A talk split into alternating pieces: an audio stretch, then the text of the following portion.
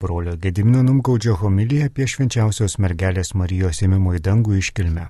Kągi viešpat šiandien mums primena, švenčiant šią brangę šventę, čia šią džiugę šventę, taip keistai supuolė, kad vakar mes užsiminėm per mišes apie žydų pasaulyje minimą, aišku, nešvenčiamą, bet minimą tokia kaip ir gedulo pasniko diena, šventyklos sugriovimo diena. Šventykla buvo greunama kelis kartus, apie 530-uosius prieš Jėzų ir po Jėzaus, ai dar buvo šimtas kažkelintieji ten prieš Jėzų. Ir Jėzaus išpranašautas sugriovimas 70 metai po Jėzaus, po kurio daugiau šventikla iki šiol nėra atstatyta. Ir e, žydų pasaulyje be abejo vyko didžiulis pasimetimas ir atsirado visokie nauji mokymai, nes žydai neteko šventyklos, neteko aukos, ir nesuprato, kas čia atsitiko, dėl ko atsitiko. Visokių versijų mes čia girdėjom, turėjom svečių iš Ukrainos mesijaninių žydų bendruomenės, kurie mums šiek tiek paaiškino, e, kaip žydai žiūri į tą reikalą ir kaip jie e, Jėzų įtikėję žydai žiūri iš minėjimą. Vieniems tai gedulo šventė, kitiems tai džiaugsmo šventė. Tai primena Zacharijo, pranašo Zacharijo pranašystės, kaip viešpats atstatys savo šventovę visai naujoj kokybei ir kad dabar Dievo šlovė iš tos Saliamono statytos ir atstatytos ir Jėzaus lankytos šventovės Jėzaus mirties momentų perplyšus uždangai ta Dievo šlovė, Dievo vardas, kuris ten apsigyvenęs buvo, persikėlė į Golgotą ir per tikėjimą Dievo šlovė ateina į kiekvieno žmogaus gyvenimą, kai apsisprendė už gyvenimą su Dievu, e, su Jėzumi, per Jėzų krikšto metu mes gauname šventąją dvasę ir kiekvienas iš mūsų tampame gyvąją Dievo šventovę. Va, ir e, mes švenčiam Marijos paėmimo į dangų, kartu tai jau mums duoda ir fantazijos, ir, ir, ir įsivaizdavimo galimybę, kaip bažnyčia švenčia Marijos karūnavimą, mes turim rožančių, kuriame yra ir Marijos karūnavimo slėpinys, paėmusia į dangų. Ir pranciškonai ypatingai turėjo tokį pamaldumą į Mariją, kaip į angelų karalienę. Ir žinomas jums miestas Los Angeles. Jis yra pavadintas būtent Marijos angelų karalienės vardu, tik sutrumpintai gavosi jau Los Angeles, o paskutiniu laiku ir tik LA vadinama. Taigi pirmieji pranciškonai steigė misijas Amerikos pakrantėje, kiek per dieną nueidavo, kurdavo misiją ir pavadindavo kokiu nors šventoju vardu, o ši vieta buvo pavadinta Marijos angelų karalienės vardu. O kuo mums svarbi šita šventė, kodėl mes ją švenčiame? Visos šventės mums turi priminti Dievo darbus, kad mes džiaugtumės Dievo darbais ir pažintume Dievą per tuos jo darbus, švesdami šventes, viens kitam primindami, viens kitam liūdydami ir taip iš kartos į kartą. Ir ši šventė, kuo mums jį ypatinga. Na, mes džiaugiamės Marijos išaukštinimu, džiaugiamės e, ją kaip Dievo meilės dovana žmonijai kaip sakiau pradžioj mišiuose, ne tik kaip tikėjimo pavyzdys, bet vat, jos tikėjimas, jos atvirumas Dievui, per jos tikėjimą Jėzus ateina į mūsų širdis, į mūsų gyvenimus. Bet noriu priminti jums, kad čia nepasibaigia reikalai su Marija. Daugelis tik tiek ir teina, kad džiaugiasi Marija iš tolo. Kalba rožančius, meldžiasi, išlovina Mariją, visokiais būdais oratorijas kūrė, simfonijas kūrė, bet negirdi, ką Marija sako. Kaip daugelis irgi meldžiasi šventą Antaną, švents Antanį, juk turi laiką dabar ten dangau, juk galėtum pasimelsti žmonėm, kad raščiau žmoną ar vyrą, dar kur nors apamestą žaidą. Bet nesiklauso, ką tas Antanas mums sako, o jis pamokslavo Evangeliją, kaip niekas kitas tuo laiku.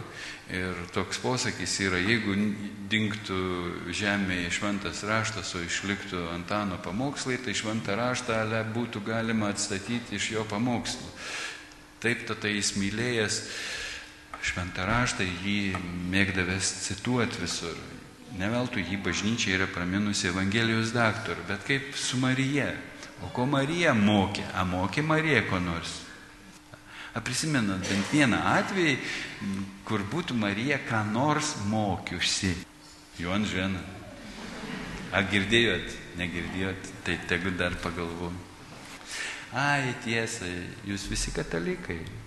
Šventų rašto aišku neskaito, taip katalikams pridara, ką? A jau pradėjot skaityti. Kas iš čia esančių esat Evangeliją perskaitę? Kame reikal žmonės Jūs esat priskaitę daugybę knygų, o šventų rašto pagrindinės knygos neskaitot. Tikriausiai palikot pensijai. Kai išeisit į pensiją, pradėsit skaityti Evangeliją, melstis į bažnyčią, eiti reikalų su Dievu tvarkyti. O iš kur žinot, kad šiandien jūsų viešpats nepasišauks prisistatyti jam? Taigi Jonas čia mums sufleravo, kad Marija mokė. Vienas atvejis yra, kada Marija mokė. Kanos vestuvėse tarnus pamokė. Įliepė tarnams, darykite, ką tik jis jums lieps. Ir va, mes turim Ale Marijos ikoną, ane? Daugeliu katalikų neįprasta, atvažiuoja į pakutą ir galvoja, kur pakliuvo. Tai yra bizantinio laikotarpio ikona, bet atlikta neseniai vienos mūsų draugės iš Kulupienų, dabar jį ten gyvena, tokia Nastė didelio šeimos mama.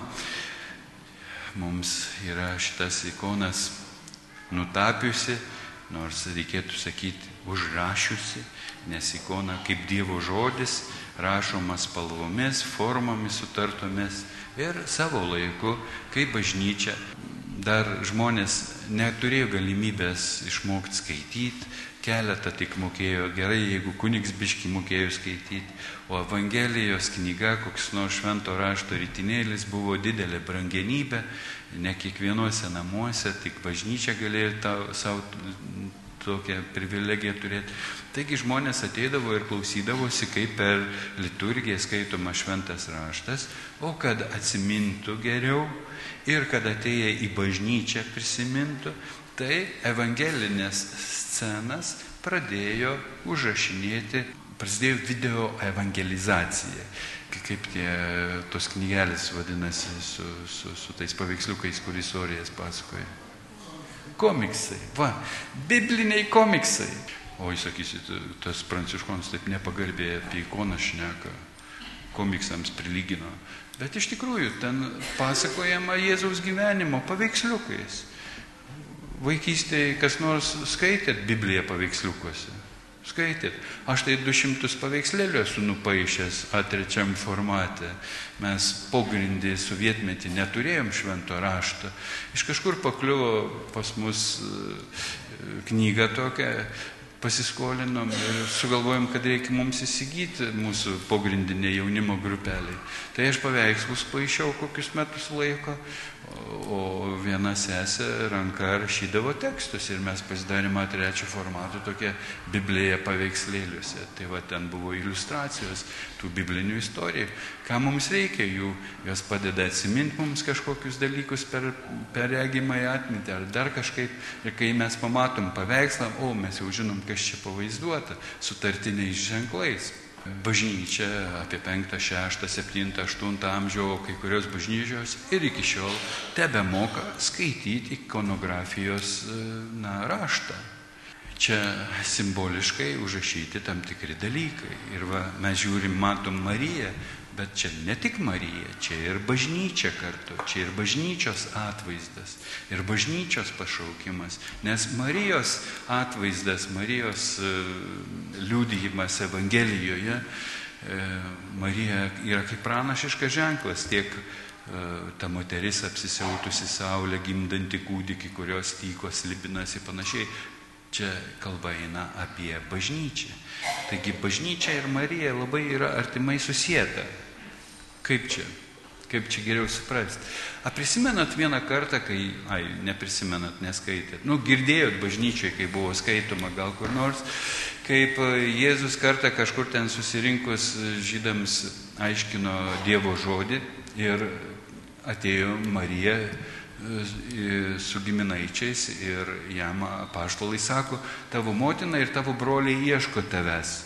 Ir Jėzus pažiūrėsi prieš jį susirinkusi žmonės, pasakė, kas mano motina, kas mano broliai ir seserys.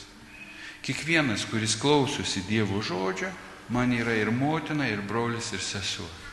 Taigi ir šiandien, kai jūs klausotės Dievo žodžio ir trokštat gyventi tuo žodžiu, jūs esat Jėzaus motinos esat pašaukti kiekvienas kartu su Marija, kartu su bažnyčia, būdami bažnyčios nariai, kiekvienas asmeniškai ir visi kartu esam pašaukti gimdyti Jėzų pasauliui.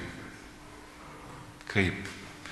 Va, Arhangelas paskelbė gerą naujieną, paskelbė Dievo žodį Marijai. Marija tikėjimu priėmė tą žodį. Ir kaip angelas pranašavo, šventajai dvasiai veikiant, ta žodis tapo kūnu Marijos iščiose ir ji pagimdė pasauliui atpirkėją Jėzų.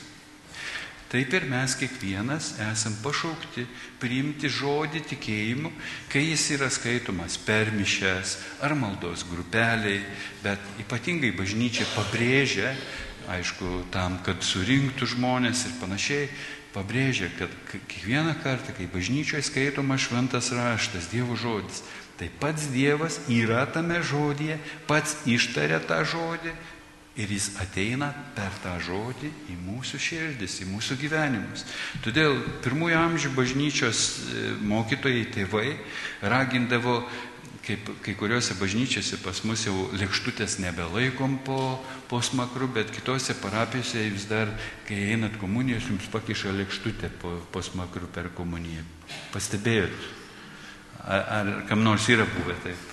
Tai va, tai kodėl ten pakiša? Kad netyčia neiškristų švenčiausias, kad kokia dalelė, trupinėlis nenukristų ant žemės, iš pagarbo švenčiausiam sakramentui, tai duonai, Kristaus kūnui, saugom, kad nenukristų. Tai bažnyčios tėvai sakė, laikykit lėkštutes pausimis, kai joks trupinėlis, kai joks Dievo žodelis nepraslystų pro jūsų ausis, nenukristų, nenueitų bergždžias, kad pasiektų bent jūsų ausis. Bet ne visose bažnyčiose girdisi Dievo žodis, ne? Au, au, au, au.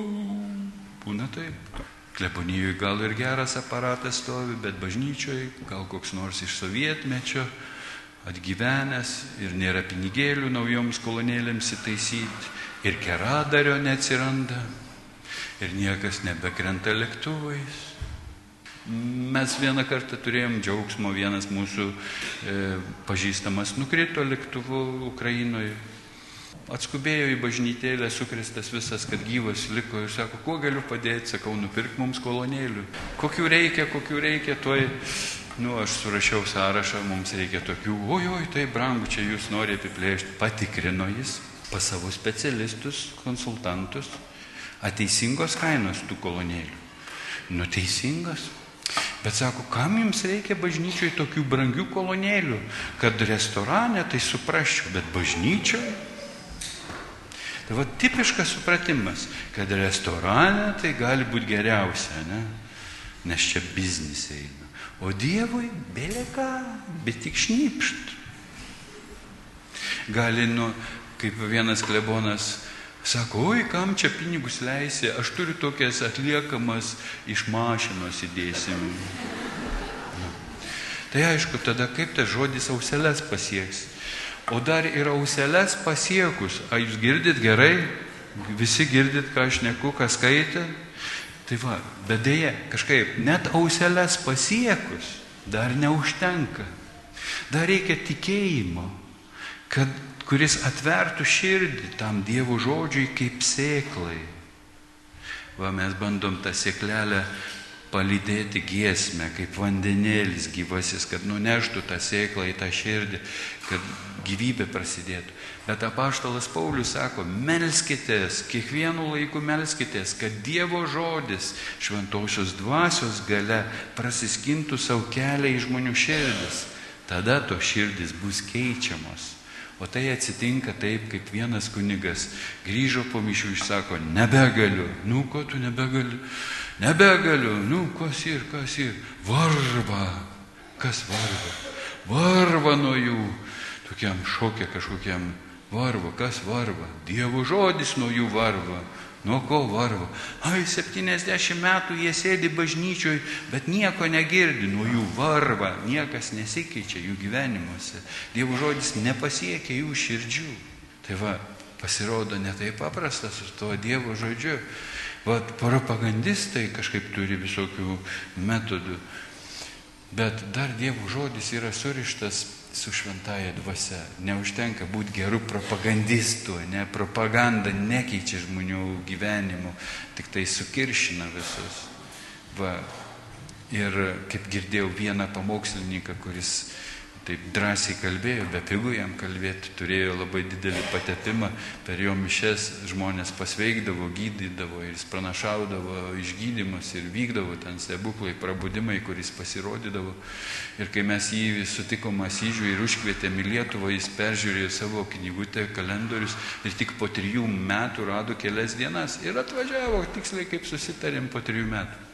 Tai va, tai jis ten Asyžiai prisimena pamokslavo ir sakė, jeigu skelbiamas Dievo žodis, bet nevyksta stebuklai, nevyksta išgydymai, tai jūs užsiminėjate tik propagandą, kuri nekeičia žmonių gyvenimo ir neveda jų išgelbėjimą.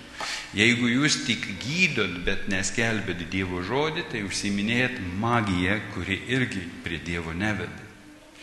Taigi aš vis raginu ir prašau, melskime, kad Dievo žodis darytų dalykus, kad jis būtų gyvas, kad jis pasiektų širdis, gydytų jas, išlaisvintų, keistų, apšviestų, uždegtų, kad mūsų gyvenimai keistųsi. Ir mes kartu su Marija, kartu su visa bažnyčia atsiliepdami Dievo kvietimą priimti jo žodį ir gyventi jo žodžiu, gimdytume atpirkėję, gimdytume išganytoje pasauliui, patys pasidarydami gyvųjų Dievo žodžiu, patys keisdamiesi ir darydamiesi panašus į Jėzų.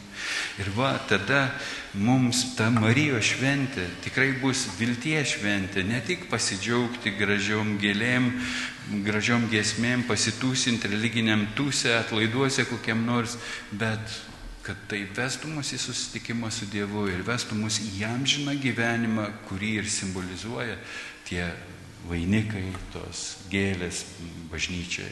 Brolio Gedimino Numgaudžio homilija apie švenčiausios mergelės Marijos ėmimo į dangų iškilmę.